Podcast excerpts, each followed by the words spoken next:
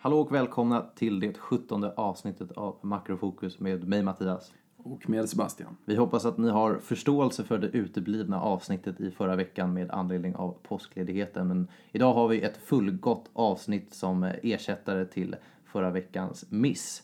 Och eh, vi pratar om den amerikanska ekonomin, det räntebeslutet vi fick för två veckor sedan. Vi tar en snabb dust med oljan och sen så pratar vi också om Turkietavtalet som nu, också, som nu har landat i ett konkret papper och eh, vilka implikationer det kan ha på flyktingkrisen och eh, särskilt med eh, hänsyn till situationen i Libyen.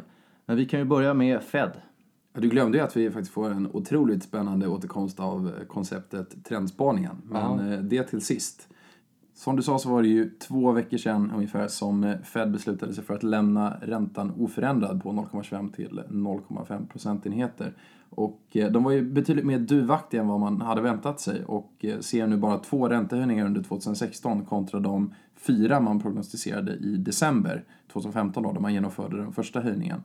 Och jag sa ju det inför december att om man höjer så tror jag att man kommer behöva ångra sig. Dels för att de eh, arbetsmarknadsmässiga statistiken var, hade ju skapat ett bättre läge i slutet på 2014 men sen hade man ju också bättre omvärldssituation och stabilare global ekonomi även slutet på 2014 kontra eh, december 2015 då. Och eh, jag trodde inte att Fed skulle vara så här snabba att erkänna sitt misstag, vilket de ju ändå har gjort, utan det tog bara ett möte från december då till mars eh, att erkänna att de faktiskt hade gått lite för fort fram då. Och man kan ju undra hur mycket förtroende det kan finnas kvar för Fed egentligen när de lägger sådana här prognoser, men de har ju visat sig vara fel konstant i, i 7-8 års tid. Sen sa vi ju det i början på året att en viktig anledning till att man höjde förmodligen var att Fed lite hade målat in sig i ett hörn då. Många ledamöter hade gått ut och sagt att det var dags att höja och det blev en trovärdighetsfråga. Men om jag hade fått gissa så trodde jag ändå att den här trovärdighetsaspekten hade kunnat spela in även på marsmötet. För att det blir ju lite av en, en förlust ur en trovärdighetssynpunkt då att eh, behöva överge sina tidigare prognoser redan efter ett möte. Eh, särskilt när det är då den första räntehöjningen på, på ett decennium i stort sett. Jag tycker också man kan dra en annan slutsats av den här oförändrade räntan. Eftersom vi pratade om i upptakten till mötet i eh, det förra avsnittet så hade ju Fed faktiskt all data som krävdes för att genomföra en höjning till. Man hade flera månader utav starka arbetsmarknadssiffror och Yellen är ju också en, en labour market economist och brukar fokusera på det traditionellt sett. Man hade den högsta siffran för core inflation på väldigt länge, eller core PCI då på 1,7 procent, vilket ju är i närheten utav eh, Federal Reserves mål då på, på 2 procent.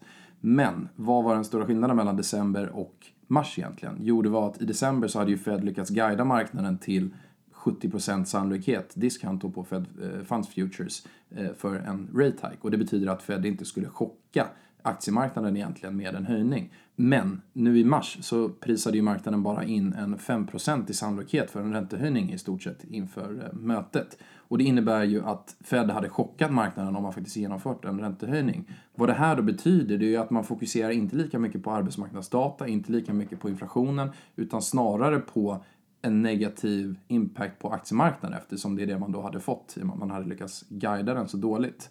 Och eh, det här var ju inte alls bilden av vad en centralbank skulle göra förut men gradvis så blir det ju mer tydligt att centralbankerna faktiskt styrs väldigt mycket av vad aktiemarknadens reaktion på eh, räntebeskeden blir. Mer specifikt så ligger ju arbetslösheten kring 5 och sysselsättningssiffrorna för non-farm payrolls då från eh, BLS har ju legat på ett snitt på över 200 000 jobb per månad de senaste månaderna och det är ju gott nog för att höja sysselsättningsgraden vilket ju USA även har gjort de senaste månaderna. Jag tror att för en konstant sysselsättningsgrad Alltså då för att eh, kompensera för befolkningstillväxt i arbetsför ålder så behöver man väl någonstans strax över 100 000 jobb kanske. Mer aktuellt så kom ju ADP-siffrorna för eh, Private Payrolls idag, vilket eh, visade på 200 000 nya jobb inom eh, privata sektorn. Och det här borde ju gått inför Bureau of Labour Statistics, eller BLS-siffror, då om några dagar. Och för de som inte vet vad skillnaden på de här är så publiceras då ADP av ett privat institut och två dagar före BLS. Och BLS är ju då Bureau of Labour Statistics. Och traditionellt sett så litar man väl mer på det statliga institutet och BLS. Eh, och BLS, en till skillnad är att eh, de inkluderar ju även då statliga jobb, men båda, båda exkluderar eh, farming och det är därför det kallas non-farm payrolls. Eh, ibland, den här korrelationen mellan de här två har ju varierat, men historiskt sett så har den ju varit eh, ganska hög. Eh, så att en hög ADP-siffra brukar ju traditionellt sett eh, guida för en relativt stark eh, BLS-siffra då också.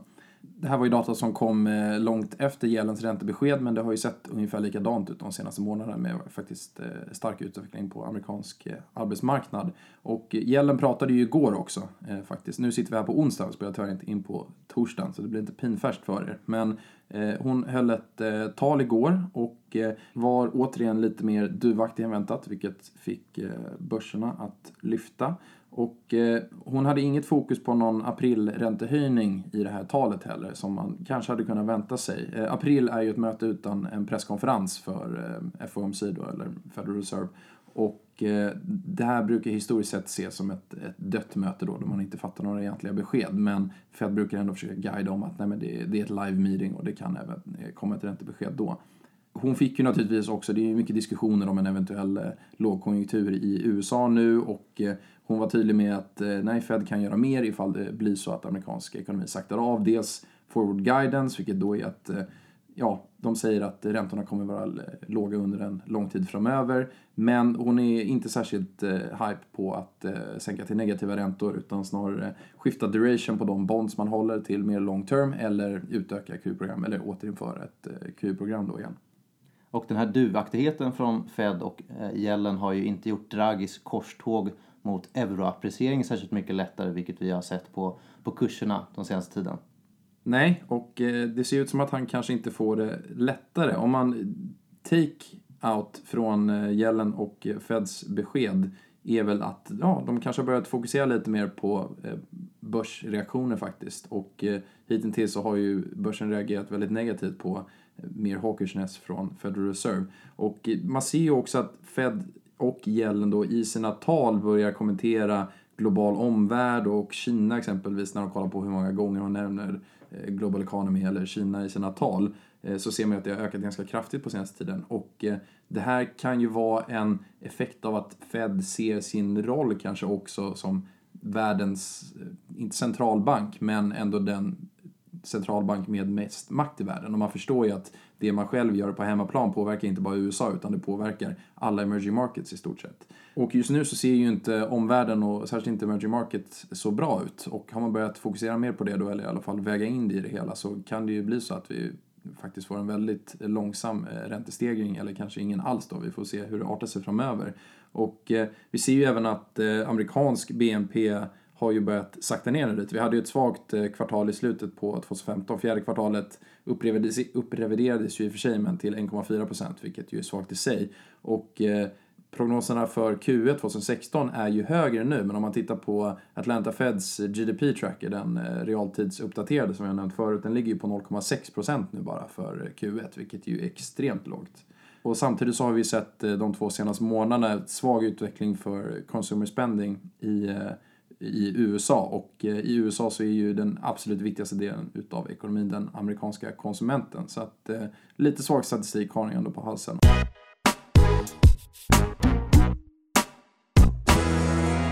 Och tillbaka till oljan som ju fortfarande ligger strax under 40 dollar. Och eh, vi tog ju upp det för några avsnitt sedan att det finns en risk för att det här faller tillbaka igen ner mot eh, den botten som sattes kring 25 dollar till och med eh, oljepriset har ju drivits upp mycket på det här avtalet som en del OPEC-länder och Ryssland då går ut eh, och eh, hausar på marknaden om en production freeze. Och eh, som vi nämnde så har ju det här ingen reell effekt egentligen utan både Ryssland och Saudi producerar ju på rekordnivåer och i Ryssland så har man ju även en svag inhemsk marknad så att exporten ligger ju även den på rekordnivåer och eh, kanske till och med stiger. Och man har ju heller inte fått med Iran på det här av förståeliga skäl som ju vill ta tillbaka sin marknadsandel. Och eh, vill man se lite hur det har utvecklats de senaste åren så la vi upp en två, tre diagram på Twitter och Facebook nu i veckan faktiskt eh, som visar förändringen i oljemarknadsdynamiken mellan 2010 och eh, 2015. Och nu med oljan kring 40 dollar så finns det ju heller ingen egentlig mening för Saudi till exempel att gå ihop med de andra och sänka sin produktion. Det hade ju inte krävts en enorm produktionssänkning från större delen av OPEC, då, minus Iran till exempel, och Ryssland för att man ska eh, ta koll på det här överutbudet som finns på marknaden. Men det finns ju egentligen inget intresse om priset ligger kring 40 dollar. För att nu med, i takt med att tekniken har gått fram för fracking i USA så har ju ändå kostnaderna för att producera för de här frackingaktörerna sjunkit ner mot 50-60 säkert. Eh, en del upp eh, 70 förmodligen, men det finns ju fortfarande de som skulle gå live igen i produktionen om man väl kommer upp eh, mot 50 dollar garanterat. Så att 40 dollar fatet är ju förmodligen ett relativt bra pris för, för Saudi nu. Och eh, man kan ju även dra en parallell till vad Saudiarabien gjorde under 80-talet. I början på 80-talet, 80-81, så kapade ju Saudiarabien faktiskt sin produktion från 10 miljoner fat till eh, strax under 4, så att eh, nästan ner med två tredjedelar. Och det här var ju respons på ett överutbud på marknaden. Så att då tog man den här vägen, försökte höja priset genom att kapa sitt eget utbud. Men då fick man ingen effekt, utan andra fortsatte att öka sin produktion och samtidigt så steg inte priserna. Och då ångrade sig Saudiarabien istället och eh, bytte strategi till att istället öka produktionen snabbt och flöda marknaden med billig olja. Så att de har ju kanske insett sitt misstag då och ser ju ingen egentlig vinst i att eh, sänka sin produktion. Särskilt inte om Iran inte följer med då nu, vilket har blivit ännu viktigare. Utan de såg ju bättre effekt när de flödade marknaden med, eh, med olja. Och man kan ju säga också att på lång sikt så har ju Saudi ser andra vinster i ett lågt oljepris. Egentligen så vill ju Saudiarabien inte ha ett oljepris över 100 dollar låt säga. För att har du ett högt oljepris så leder ju det till teknikutveckling på andra områden och att olja kanske då ersätts på sikt. Till exempel elbilar. Så att de ser nog ändå en vinning i att ett pris kring 40 dollar saktar ner framväxten utav Tesla och, och elbilar. Eh, det finns något gammalt citat från eh, Saudiarabisk minister tror jag som sa att eh, stenåldern tog inte slut för att vi fick slut på stenar eller någonting sånt. Så att de har ändå ett mål med att behålla sin dominans inom energimarknaden. Och får du ett alldeles för högt oljepris då kommer oljan att förlora sin eh, impact på global världsekonomi. Men har du istället ett ganska lågt pris så att det ändå eh, behåller sin relevans tillräckligt länge så har ju Saudiarabien då mer tid att eh, gå över från en oljedominerad ekonomi till en mer väldiversifierad ekonomi. Det låter ju lite lätt konspiratoriskt Sebastian, men eftersom du inte har någon foliehatt på dig så väljer jag att lita på dig. Men det hela marknaden väntar på är ju ett, en betydande produktionsminskning i USA. Och hur, hur ser det ut där egentligen? Ja, det går ju sådär och eh, lite för långsamt kanske. Även om produktionen har fallit i stort sett alla de senaste veckorna utom en så ligger ju produktionen fortfarande strax över 9 miljoner fat per dag. Och eh, Prognoserna ligger ju på att det här ska fortsätta falla till någonstans kring 8,5. Men jag ser ändå att det finns fler risker på uppsidan vad gäller produktionen då, alltså en, en ökad produktion än vad det finns på, på minskad. Dels har du Iran, eh, får vi ett lugnare Libyen som i stort sett har eh, kapat sin produktion med 75% sen piken i takt med eh, kriget och så vidare. Och samtidigt så har du ett USA som inte kommer att sänka sin produktion nämnvärt egentligen, i alla fall inte ser ut att göra det. Eh, tittar man någonting som på rig-counten i USA som ju tidigare användes ändå som proxy för hur produktionen skulle gå, som, den heter då eh, Baker Hughes rig count, som ju inte har visat sig ha så hög korrelation med hur produktionen faktiskt går. Och det här är ju av naturliga skäl. Dels använder man den här siffran mycket för att det är den siffran som finns att tillgå, men vad man egentligen vill ha är ju antalet brunnar som färdigställs. För att särskilt nu när Eh, fracking växer så är ju brunnarna absolut inte klara när man har eh, borrat färdigt utan då är det fracking och annat som ska, som ska genomföras. Och en eh, rigg kan ju också användas för att, att borra flera brunnar så att egentligen behöver det inte säga så mycket om vart produktionen är på väg. Även om den här rig-counten då har fallit kraftigt och ligger på bottennivåer sen, eh, sen oljepriset eh, fallit tillbaka.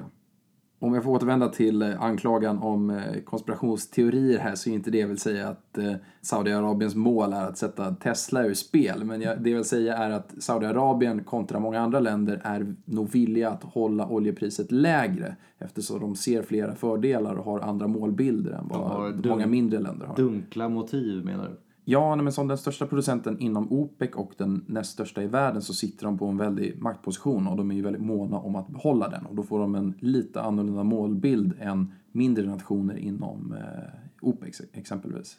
Och man kan ju återigen påminna om de enorma finansiella musklerna som Saudiarabien alltjämt besitter vilket ju möjliggör den här väldigt aggressiva prisattacken mot de amerikanska frackingaktörerna. Och, eh, det kommer ju fortsätta ett tag till framöver kan man ju Eh, konstatera. Men med det sagt så är oljesegmentet avslutat. Ja, jag har förstås kollat upp det här eh, citatet nu om stenar och eh, det sades 1973 utav en tidigare saudisk oljeminister. Så att inget hittar på det här.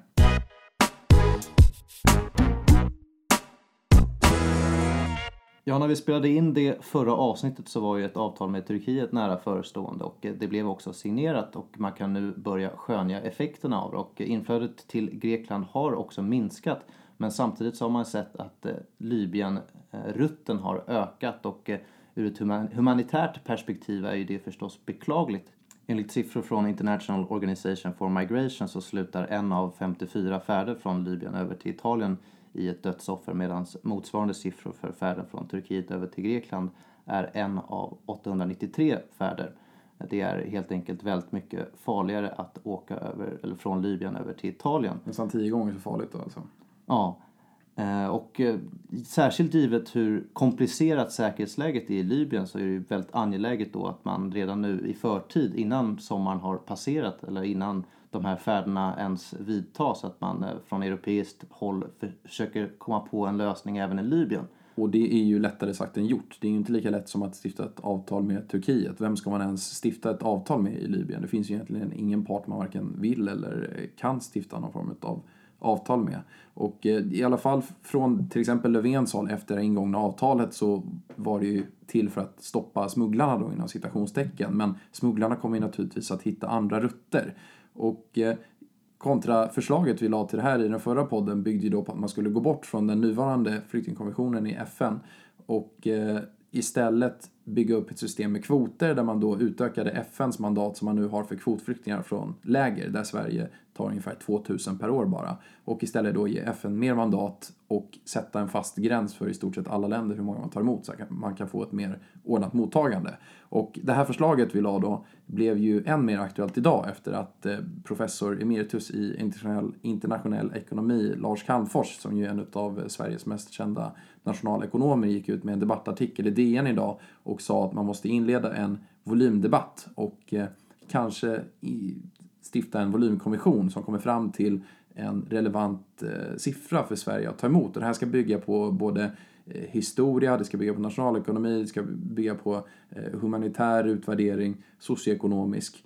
Och eh, den, som man då säger kommer den att leda till att man kanske behöver gå bort från FNs flyktingkonvention, men han uppmanar också Sverige att faktiskt göra det i och med att, precis som vi sa, bygger FNs flyktingkonvention på helt andra förutsättningar än idag. Eh, som vi nämnde i förra avsnittet, man kan lyssna på det igen om man missade det, så bygger det på de förutsättningar som rådde efter andra världskriget då olika folkgrupper hade tvingats flytta runt mellan länder i Europa och man därför skulle ha rätt att stanna i det land man hade råkat hamna till följd av eh, kriget.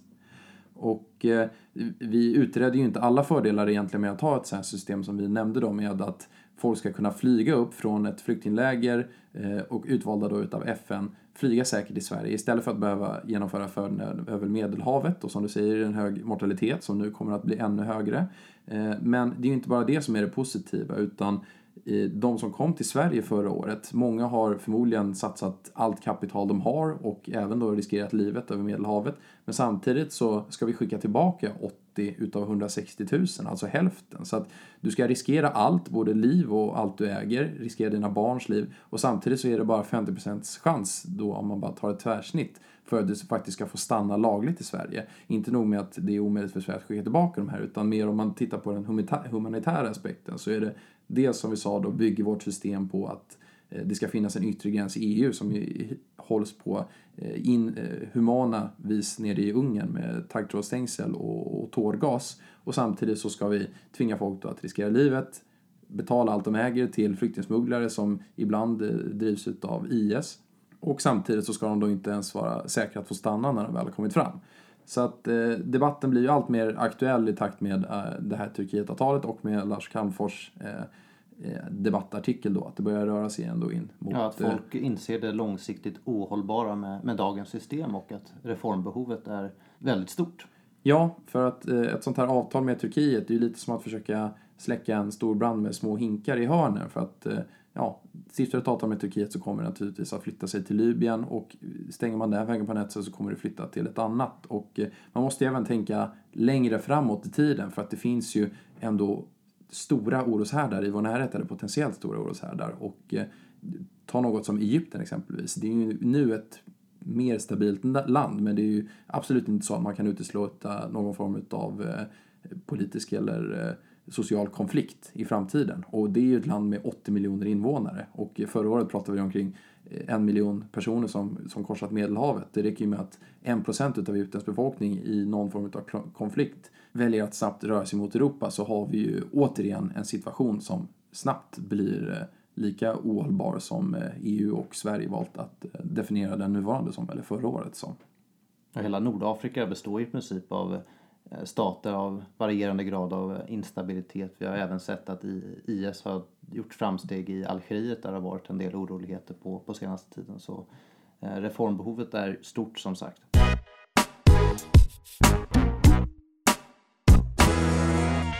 Och nu till veckans trendspaning.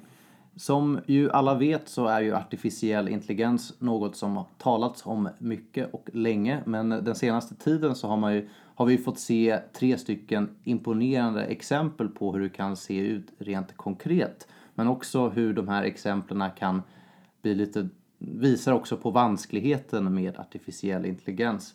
Och eh, det kanske mest imponerande av de här tre exemplen är ju hur det Google-ägda programmet AlphaGo lyckades slå en mycket framstående sydkorean i det asiatiska brädspelet Go.